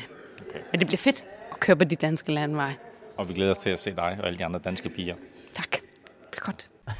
Hun er altså vild, øh, Cecilie. Øh, Jeg elsker at sige, hvad hun ender på, så vil jeg have lidt af det. Der er Men, god øh, energi. ja, men, øh, men øh, Stefan, spændende med et uh, World Tour løb for kvinder på dansk grund. Ja, altså Tour of Scandinavia, eller Battle of the North, som de også kalder det. Øh, det bliver sjovt, det er løb på, på seks etaper, og det begynder jo faktisk øh, inde på Kongens Nytorv i København, øh, og så kører de øh, op til, til Helsingør. Øh, men øh, de starter den, øh, den 9. august, øh, og som sagt mål i, mål i Helsingør. Efter det, så, øh, så kører de en etape i Sverige, og så, øh, så de fire afsluttende øh, etapper er lidt mere kuperet og bliver kørt i Norge også. Den femte etape i løbet, øh, det er der, hvor at, øh, der, der er blevet sat en ordentlig egner ind, øh, hvor de slutter af på at bliver nok løbsafgørende. Øh, Det var den, de i går kaldte Queen Stage. Queen Stage, der, ja. der er et bjerg i Norge, der er, som er 10 km langt, Ja. ja. så øh, den skal nok trække til noget. Ja, det, det, det, det skal nok blive afgørende i løbet. Det er faktisk et løb, som er forholdsvis langt. Altså, de kører 958 km på, på 6 dage, øh, kører igennem tre lande, og, og så finder vi altså en, en vinder af Tour of Scandinavia. Meget mere om det, når vi øh, nærmer os, men øh, nu skal vi fra et øh, nordisk løb for kvinder til et svejtisk løb for mænd. Inden da, der skal vi traditionen tro have trukket lod om en Veloropa Cup. Det gør vi øh, i alle udsendelser, og dermed naturligvis også i dag. Vil du deltage i lodtrækningen, så er det nemt at være med, og samtidig så støtter du os jo altså på tier.dk. Beløbet er valgfrit, og du donerer hver gang vi udgiver en ny podcast, og når du donerer, så deltager du altså hver uge i lodtrækningen. Stefan? Jeg har lige et Kim? lille indspark. Ja, Kim? Jeg har hørt rygter om, Ja. at der kommer ekstra præmier i forbindelse med Giroen. Mm-hmm. Mm-hmm. Det, den lader vi lige hænge der. Det var, jamen, okay, det var da på tide. Jeg synes, jeg har siddet her og lovet en Ja, hel del men- gange, at der kommer ekstra præmier i foråret. Nu har jeg lidt trukket... Der- Så nu kommer de. Giv det en uges tid, som de sagde under coronapandemien. Hey, fedt. Jamen, øh, en, lille, en lille teaser her fra, øh, fra Kim Plesner. Øh, Stefan, til gengæld, øh, du er øh, the man on the spot, fordi vi skal have fundet en vinder af ugens kop.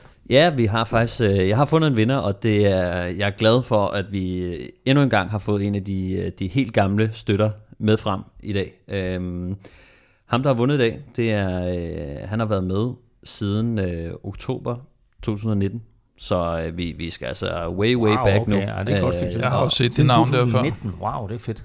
Ja, du siger, du har set navnet før. Ja, det, det, det er et genkendeligt navn. Formentlig fra sociale medier eller et eller andet. Ja, okay. Nå, en af dine venner? Godt at vide. Jeg kender ham ikke øh, endnu i hvert fald, men... Øh, Men du skriver til ham snart, ved jeg. ja, det gør jeg. Øhm, vinderen hedder Jeppe Holm Atkins. Jeppe Holm Atkins. Jeppe Holm Atkins. Jamen, hey Jeppe.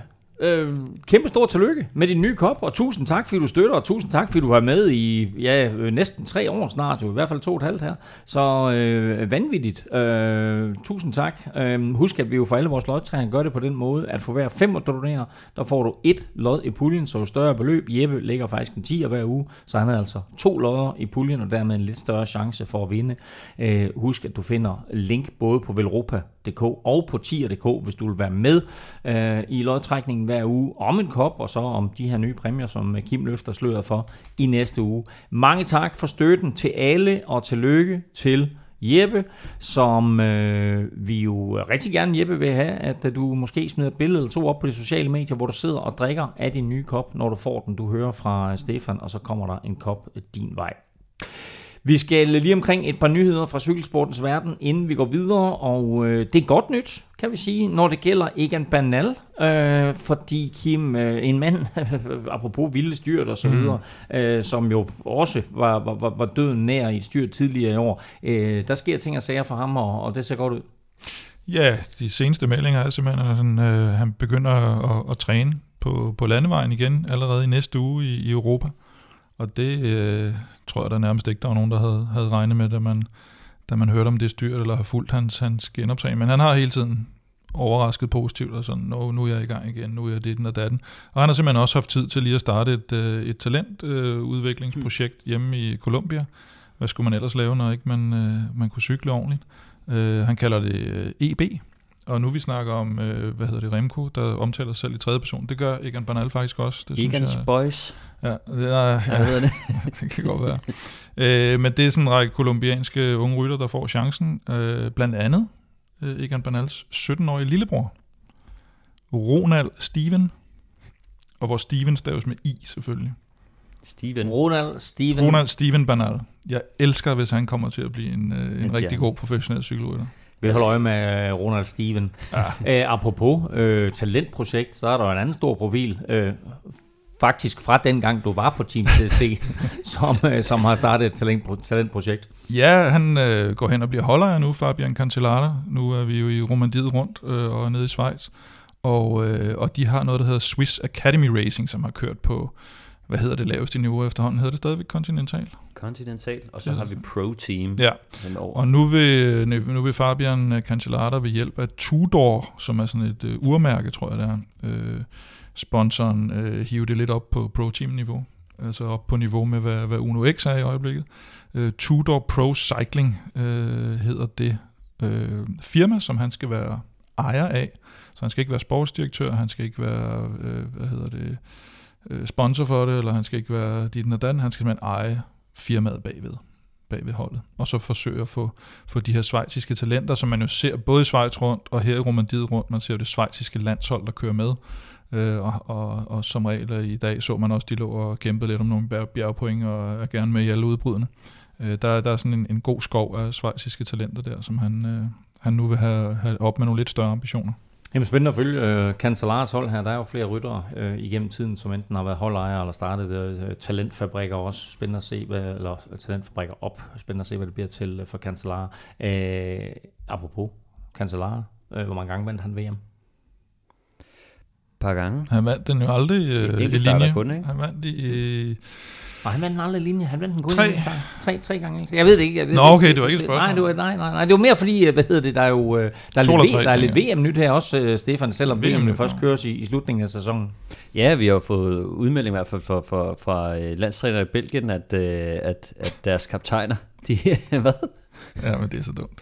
At, øh, at, at Wout van Aert og Remco Evenepoel, øh, begge to skal være kaptajner til VM. Og øh, det kan jo kun blive godt. Altså, Det gik meget øh, godt sidst i Flandern, tror jeg. Ja, det, det, det, bliver sjovt at se, men altså, man kan sige, kommer også lige ud af, af hvad hedder det, Remkos uh, Lies Bastogne Lies uh, sejr her, ikke? Øh, Lad Og os se, hvad der sker til den tid. der er lang tid endnu, men uh, der bliver i hvert fald lagt i kakkelovnen til, at de begge to får, får lov til at, at, at prøve sig af på, på dagen. Jeg kan så lige øh, fortælle, at Fabian Cancellara, han vandt VM i enkeltstart fire gange på fem Uh. år. Han vandt i 2006, 2007, Puha. 2009, 2010. Hvem, hvem vandt i 2008? Tony Martin. Bert Grabsch. Nå, Bert Grabsch, ja. Det var Ja. en tysker. Ja, ham, ham kendte de godt. Jeg må, jeg, Ja, ja, jeg, må indrømme, jamen, jeg må indrømme, jeg har ikke, jeg har ikke rigtig hørt om ham. Øh, VM ligger som sagt et stykke ude i fremtiden. Giroen er til gengæld lige om hjørnet og begynder i næste uge, og der begynder så småt at tjekke meldinger ind om, hvilke danskere vi kan forvente til start, Kim. Og der er blandt andet godt nyt fra Magnus Kort. Ja, der er godt nyt for kort, og der er godt nyt, øh, at Skelmos er faktisk allerede udtaget, og, øh, og jeg øh, skrev lidt med ham her om, hvad, hvad hans ambitioner så nu var. Øh, og så sagde han, det afhænger sgu lidt af, hvad, hvad Chikone han, han bestemmer sig for. Og så aftalte vi, at øh, om ikke bare øh, at, at vi skulle få, eller han skulle få overtalt ham til at køre efter etaper, så, så Mathias kunne koncentrere sig om klassementer, og det synes han var en rigtig god idé. Der er Hvis, jo, øh, hvis altså, det det, er jo- det er jo sjovt, fordi han, han, øh, han har jo selv været ude at sige, at han synes, han har bevist sig selv i, i de fleste terrænger nu, men han mangler at bevise, øh, at han kan køre øh, opad med de bedste, altså i de høje bjerge. Det får han mulighed for nu. Der mangler han et resultat, og jeg håber, derfor håber jeg også lidt, jeg, det er ikke fordi, jeg håber, at det går super skidt for Ciccone, fordi han er faktisk en, en sjov cykelrytter at have Mm. med i, i, i de store løb her, men, øh, men det kunne være sjovt for, for, for Mathias at, at, at prøve sig lidt af, og ikke blive en dedikeret hjælper, som ja. bliver kørt i, i bund øh, for tidligt i løbet, øh, fordi at, øh, det, det kunne være sjovt at se, hvad han egentlig dur til øh, Mm. med, med friske ben. Men det er klart, hierarkisk og med historik og ja. Italien og sådan noget, der er det selvfølgelig Ciccone, der har første. Så lad os se, hvordan han... Og, og ja, Kort, han havde jo et opslag på, på Instagram om, at han ligger og træner nede i Andorra med, med Mikkel Bjerg, efter at øh, de begge to har været, været ude med, med skader, og øh, det lød på ham som om, at øh, han rigtig gerne vil køre, køre Giro, og, og han, han spillede jo det her kort med, at... Øh, kort. øh, at, øh, at, hvad hedder det, at han jo før har vist, at han godt kan køre sig i form i løbet af en Grand Tour, det må man sige. Var det, var det ølsagen, han Ja, den, Ja. den, den prøvede lidt. Så jeg vil sige, hvis man sad som sportsdirektør for IF, så skulle man nok være et skarn, hvis ikke man, man gav ham Giro debut, som jeg tror det er.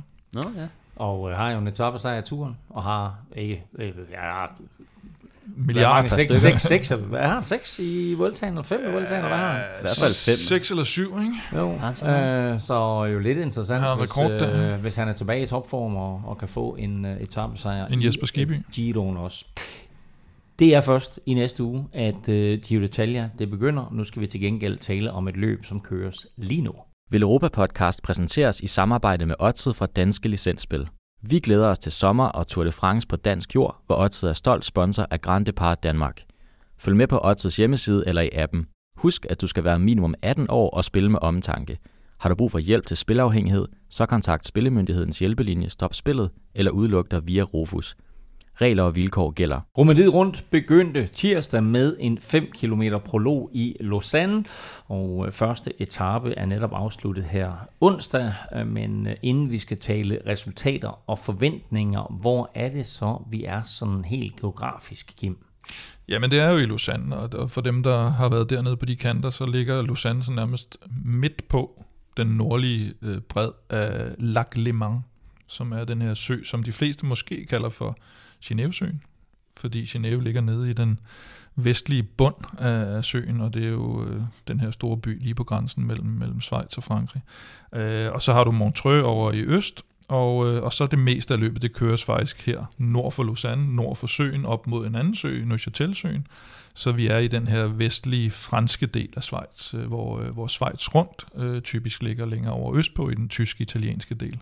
Så, øh, så er vi færdige med, geografiundervisningen for i dag. jeg synes, det er fedt. Ja. Jeg synes, det, er, det er da godt lige at få sat på plads. Det er ja, dejligt.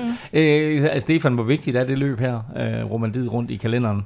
Øhm, jo, altså jeg tror, øh, det er jo selvfølgelig vigtigt, men det ligger jo, kan man sige, ligger jo lige op til, til Giroen, men måske også lidt for tæt på Giroen, øh, til at folk øh, bruger det som, som optag. Det er nok lidt mere Tour of the Alps, øh, som er blevet det der dedikeret optagsløb til, til Giroen, men øh, der er nogle af, af Tour de France-navnene, som, som bruger det sådan i, i, i et led på, kan man sige, nogle af de tidlige Tour, Tour de France forberedelsesløb. Øh, så øh, så det, det, det er et fedt løb at, at køre, fordi at øh, Schweiz er ligesom kendt for, at øh, der, der er rimelig gode forhold. Øh, infrastrukturen er i orden, og hotellerne er også øh, lidt bedre, end, end man ser det i nogle af de, de franske løb, eller, eller lidt længere sydpå. Løbet er allerede i gang. I går blev der som sagt kørt uh, prolog. Den blev vundet af Ethan Hader. Uh, lidt overraskende faktisk foran uh, Rohan Dennis. Men prologens uh, sjove og uh, lidt imponerende historie, Kim, det var faktisk Brandon McNulty's ja, 16. Var, plads. Det, var, det så lidt underligt ud. Jeg tror, de må have, altså de må have, de må have blandet de to Brandoner sammen. Der er Brandon Riviera fra Ineos, og så Brandon McNulty. Og lige pludselig så stod øh, Brandon Riviera på startrampen, men det var Brandon McNulty, der skulle starte, og så kommer han sådan ind for højre flyvende og bare øh, kører den direkte ud på, på, på ruten, og ender alligevel som nummer 16. Ja, øh, jeg tror 17 sekunder efter. Eller noget. Meget, meget, ja. meget godt kørt, må man sige, og, og var jo også øh, ham, der kom tilbage her fra, øh, eller afløste Pogacar i, i Liège, så, så er egentlig sådan lidt blevet kastet ret hovedkuls ind i de her løb, må man sige.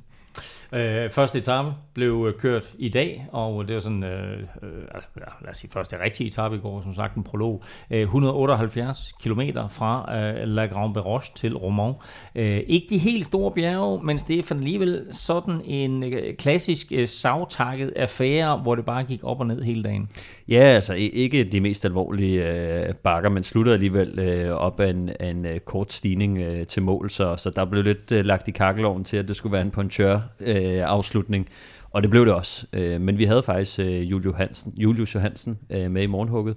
Øh, godt at se ham øh, vise sig lidt frem. Øh, ham, ham har vi ikke set så meget til, men kører jo på det her succesrige Intermarché-hold, øh, og, og meget fedt at, at se ham lidt ude, men de blev holdt i kort snor desværre og, og hentet ind, og så blev der altså lagt i kakkeloven til, at, øh, at der skulle køres øh, fuld knald hen mod øh, den sidste stigning, og vi så blandt andet også et, et styrt i øh, kan man sige, et par kilometer tidligere på, på bakken lige inden, øh, eller lige inden den bakke, at, øh, hvor blandt andet løbets føretrøje Ethan Hader mm. øh, røg ned og ligge, blandt andet. Øh, der ja, var også det, lignede, det lignede sådan mistænkeligt næsten, sådan et, en mini-udgave af det i Liège, altså mm. på nedkørsel, og så er der en ude i siden, der lige pludselig kommer ud i rabatten, og ja og så ryger de bare højre og venstre ned ja, i grøften. Det, ikke? Det, det sker jo det der positionskamp, øh, at, at der er nogen, der, der sætter klampen i bund for at, for at sikre sig en god position, og, og så er der nogen, der går lidt i panik, og alle skal frem i bussen, og lige pludselig så... Øh, så, så, så er det for meget kaos i, i, og for mange, der vil, der vil frem øh, på, en, på en lidt for smal vej, og, og det, det skabte så et, et, et større styr sådan ind i midten af, af feltet, men, men en fed finale fik vi alligevel, fordi da vi når ned til bunden, øh, jeg tror det er Brandon McNulty, der, der ligger fra land, øh, ja.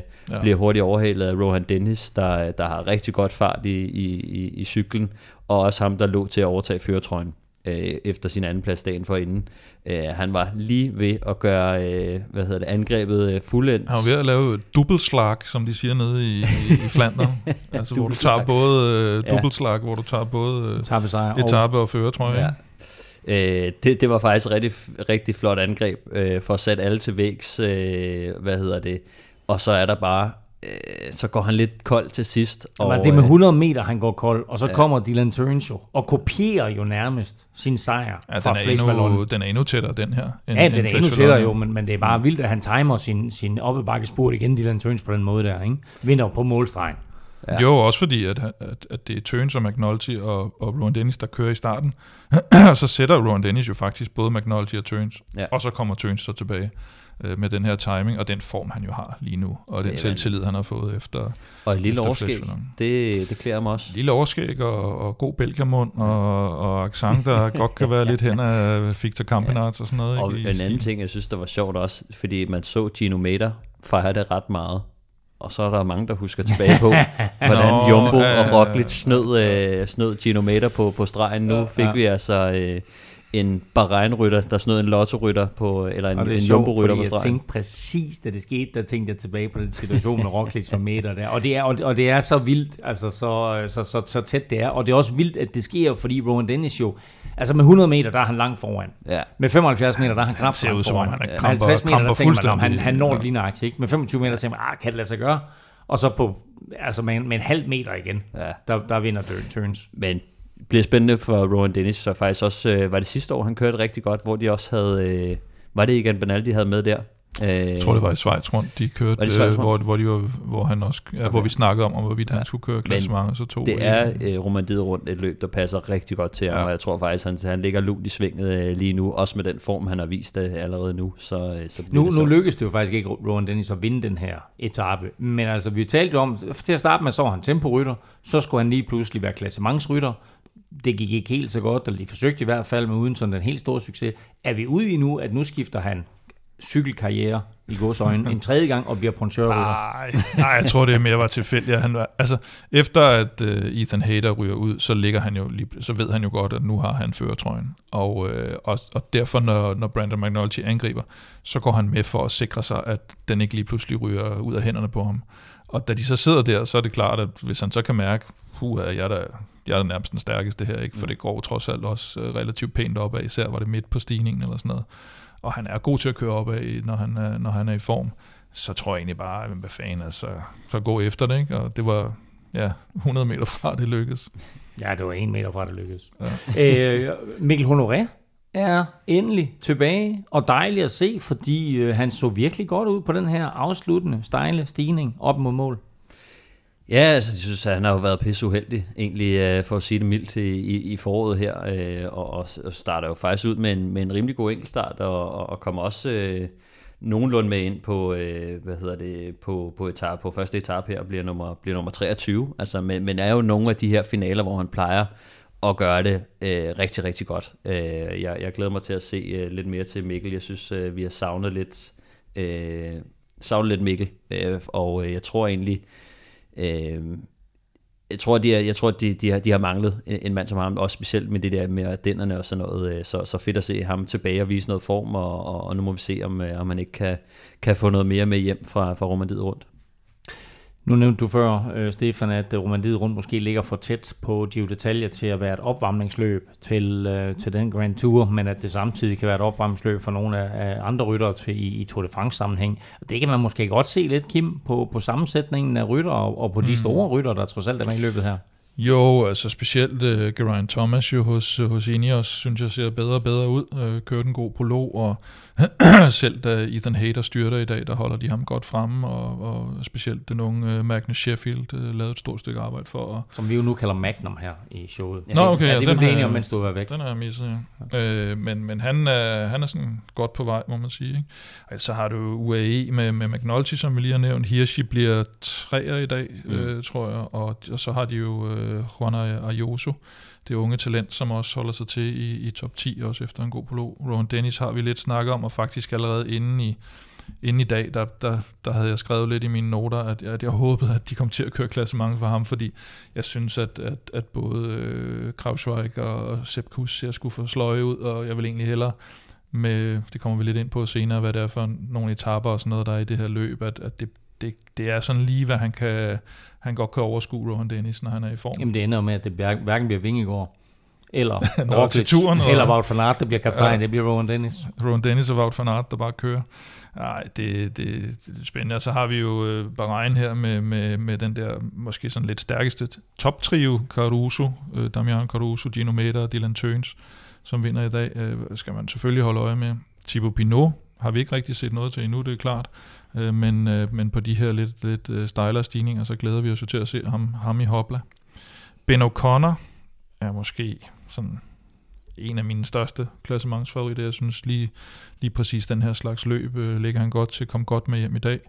Øh, Vlasov bliver fire i dag, tror jeg det er, for, for bruger Hans Kroge, som stiller med et usædvanligt stærkt hold med, med Igita, Grosschartner, Patrick Conrad og Max Schachmann. Og så har vi det her øh, Israel-hold, som, øh, som vi nævnte lidt i Liège, og som, øh, som også har, har nogenlunde samme, øh, hvad hedder det, Fuglsang og Woods med i, øh, i øh, Romandiet. Og så har de jo Chris Froome, Jeg kunne svømme. ja, men da, da han starter på prologen i går, der, så, så er det også bare, altså det, det ser ud som om, han kører simpelthen efter at vinde den. Altså da han starter, ikke? Det er virkelig, der er virkelig knald på i starten. Og så kommer han i mål som nummer 119, ikke? Og man tænker bare, hvad fanden blev der af det der? Altså mm. den karriere, ikke? Men, øh, også, men måske øh, Patrick Bevin faktisk, for det hold kan, kan gå hen og overraske, har jeg lidt på fornemmelsen. Og så IF, de blev godt smadret i, øh, i Liège desværre, på grund af styrt har stadigvæk øh, Rigoberto Uran, som var nede i styrt, og Nelson Paulus med, og så var Uran nede i dag i styrt igen, tror jeg. Så de er, de er hårdt prøvet, vil jeg sige. Så, så det er måske ikke lige dem, vi skal... Det talte vi faktisk ikke engang om i forbindelse med det lige styrt der, at, at, at der stod simpelthen de et, et helt EF-hold. Fem mand nede, Ja, eller sådan et eller andet, ikke? Så. Øh, nu taler vi lige om øh, Mikkel Honoré. Øh, Stefan, han ligger faktisk også godt til i det samlede klassement stadigvæk. Øh, vi har et par andre fine danske navne med. Fuglsang nævnte du også lige, Kim. Ja, altså vi har jo øh, Johan Pris Pejdersen. Øh, Price, Price. Pejdersen, undskyld. Øh, det skal jeg lige vende mig til.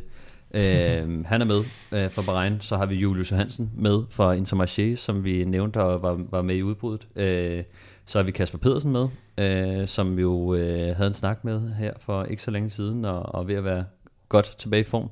Mikkel Honoré, som, øh, som er kommet tilbage fra et lidt lorteforår øh, og kørt en, en rigtig god prolog, og jeg tror faktisk, han ligger syv og sammenlagt øh, Mm. lige i øjeblikket. Øh, Frederik Vandal, også øh, fedt at se ham med fra, fra, fra Bora, hans skrue, og så Jakob Fuglsang selvfølgelig, som faktisk også ligger fint nok til Jakob Fuglsang lige i øjeblikket, og, og ja, Og så også ud faktisk, på den der afsluttende stigning. i Ja, den, netop, øh, kommer også ind i, i hvert fald en top 20, øh, og, og ser, ser faktisk fint nok ud, ja. Otze fra Danske Spil er med som partner igen her på Villeuropa Podcast, og du kan hver uge finde de klassiske Villeuropa Specials på Otze.dk, Stefans Staltip, Plesners Podie og Villeuropas vinder, og øh, af og til så kommer der også et, et, et Claus' Cup. Øh, I den her uge der er der ingen Otze-quiz, men øh, den vender stærkt tilbage i forbindelse med Gio Detaljer. Til gengæld så skal vi jo nu se, om der var nogen, der ramte plet i sidste uge. Der var kun to udsagn, der gik hjem. Det var en dansker i top 20, og så Kostne fra ind før Alaphilippe. Det var der flere, der havde forudset, og nu skal vi have trukket en vinder, og vinder blev, jeg skal have en trommesolo, Stefan. Henrik Holm Nielsen. Hvad hed ham, der vandt i... Øh, hvad hed ham, der vandt i, øh, i øh, koppen? Det er ikke også noget med... Var det ikke også Jeppe, Jeppe Holm og det var Jeppe. Holm. Det var Jeppe Holm. Nå, Henrik Holm Nielsen vinder 200 kroner til Odds.dk. Øh, De må stor- næsten være i familie, jo, hvis Ja, de de begge to hedder Holm. altså, Jo. det må de to Altså, Holm. Dem er der ikke så det- mange af i Danmark. Jo. Anyway. Nå, hey. Øh, fedt, du spillede med, Henrik. Fedt øh, til alle dem, der spillede med. Øh, husk, at i forbindelse med Giroen, der kommer der altså en øh, ny Odds-quiz inde på vores Facebook-side, facebook.com-velropa. Øh, der mangler fire etaper af Romandiet rundt i morgen øh, køres øh, anden etape, fredag der køres tredje etape, og så lørdag kommer, øh, Kim, vel det vi godt kan kalde for kongeetappen. Det gør, det gør der absolut, øh, og især højdemetermæssigt, 4200 højdemeter på, på 185 km, og i, i det er de første øh, 50 af dem er nogenlunde flade, så, så er der ikke så meget tilbage til, til, de, sidste, til de sidste højdemeter. Øh, tre rigtig store bjerge, hvor på, der faktisk er hele seks kategoriserede stigninger, kategoriserede stigninger, hvor de fem er kategori 1. Øhm, og de sidste 30 km, det, det er mere eller mindre opad, hele vejen op til, til målbyen Sinal, tror jeg den hedder. Øh, men vi snakkede lidt om det, det her med, at Rowan Dennis måske godt kan, kan gøre det i, i den her slags løb, og, og de fleste af stigningerne er sådan de her 6-7 procent i snit, og det, det, det er sådan lige der, hans grænse går, tror jeg. Øh, så er der godt nok lige den her 3 km passage på den afsluttende stigning lørdag, der, der, der ligger på, på omkring 8,5 procent. Og det er nok der, hvor de her lettere typer som, øh, som øh, Pinot og, og Vlasov og, og, og dem skal sætte ind. Øh, så ja, det, det, det er helt klart kongetappen. Men der venter også øh, en etape efterfølgende, som vi kommer, kommer lidt på lige om lidt. Øh, løbet føres lige nu, som sagt, af Rohan Dennis. Han er 16 sekunder foran Felix Großschartner og øh, Geraint Thomas. Og så er Dylan Turns på fjerdepladsen, altså dagens vinder, øh, med øh, yderligere to sekunder efter, altså 18 sekunder efter Rowan Dennis. Bedste dansker er, som du fik sagt, Stefan Mikkel Honoré på syvende pladsen, øh, kun 20 sekunder efter i den samlede stilling.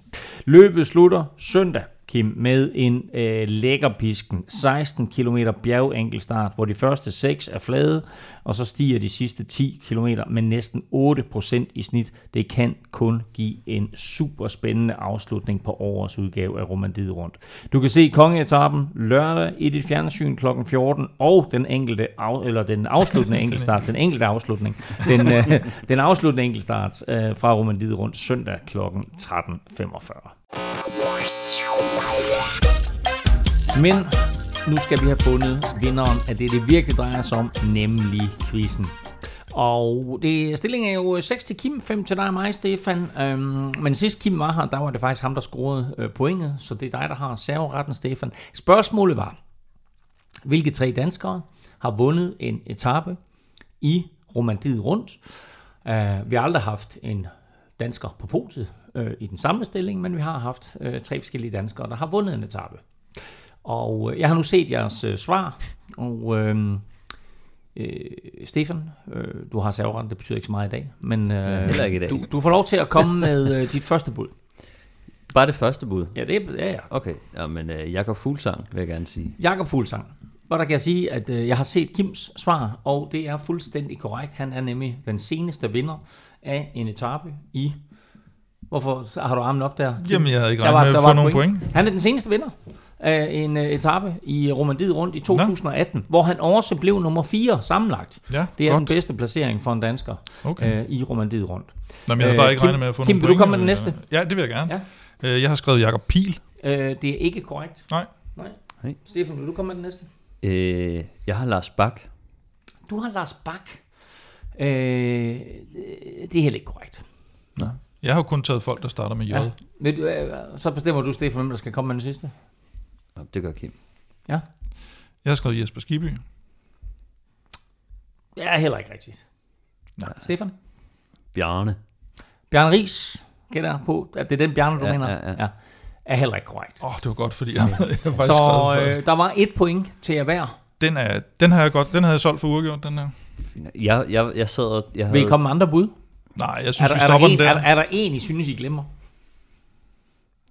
Oh, Ole Ritter? Nej, ikke Ole Ritter, men i den kaliber. Stor kaliber? Altså, der er, der er, en, dansk rytter, der er en dansk rytter, der har vundet tre etaper dernede. Tre etaper? Der er tre forskellige danskere, der har vundet. Jakob Fuglsang har vundet, en Rolf. anden har vundet. Rolf Sørensen har vundet tre etaper. Sådan, det er to point. Ej. Kim sagde uh, Ritter. Vi var, sagde, vi var Rolf. langt forbi Rolf Sørensen der. vandt tre etaper i 1993. Det er godt gættet. I 1993. Hvorfor har vi ikke taget, Han vandt prologen, han vandt enkeltstarten, og han vandt også en af de almindelige etaper. Hvordan kunne han ikke vinde løbet? Han vandt ikke løbet. Så, øh, det, men, Hvis du spurgte ham, så kunne han nok ikke huske. Eller Nej, men, øh, men han har vundet tre etaper. Den sidste dansker, der har vundet en etape ja. i Romandiet rundt, det er Jens Vækkerby. Seriøst? Ja, Nå, seriøst. Hold øh, den 1980. Men han starter med J. Det, og, han, og da du sagde, da du sagde Jesper Skibby, der tænkte jeg, J.E. Ja, ja skulle jeg nå. Anyway. Men uh, Jens Vækkerby vandt i 1980. Ja, ja. Uh, Rolf alle tre dage i 93, og så mm. altså uh, Fuglsang i 2000. Ej, jeg synes godt, Stefan kan få point for Rolf. Det er fint. Nå, I, I, får, okay. I, får, I får et point hver. I får et point hver. Så Nå, okay. øh, Kim er på 7, jeg Stefan er på 6, og jeg øh, er stadigvæk på 5 point i quizzen her. Hvor mange af dem havde du? Ja, dem alle tre. Okay. øh, nu se. Europa Podcast er tilbage i næste uge, hvor vi øh, kigger tilbage på øh, Romandiet rundt, og så kigger vi jo frem mod øh, årets øh, første Grand Tour, øh, Giro d'Italia, og øh, der kommer vist også en special i næste uge, Kim. Jeg tror, der, der er rygter om det, og special, og præmier, og Giro, og det, det Jamen, kan det godt er gå hen og helt blive vildt. helt meget så, hemmelighedsfuldt. Øh, Ja, så jeg kan faktisk love, at der kommer to podcasts i, øh, i næste uge. Den første vist allerede. Altså os, eller bare generelt? Nej, i hele verden kommer Ja. to podcasts. der kommer to udgaver af Velropa Podcast øh, i næste uge. Hvis du vil vinde en Velropa Cup, så hop ind og støt os på tier.dk. Øh, og hvis du ikke ved, hvad du skal lytte til nu, må jeg så anbefale podcasten NFL-showet, hvor undertegnet sammen med Thomas Kvartrup lige har optaget vores store NFL mock draft. Indtil vi høres ved, der kan du følge Kim og Velropa på Twitter, på Snablag Velropa, Stefan 2000 finder du på Snablag Stefan Djurhus, og undertegnet finder du alle steder på Snablag NFLming.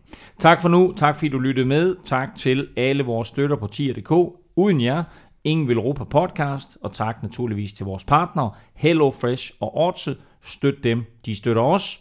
På genhør i næste uge. Thank you.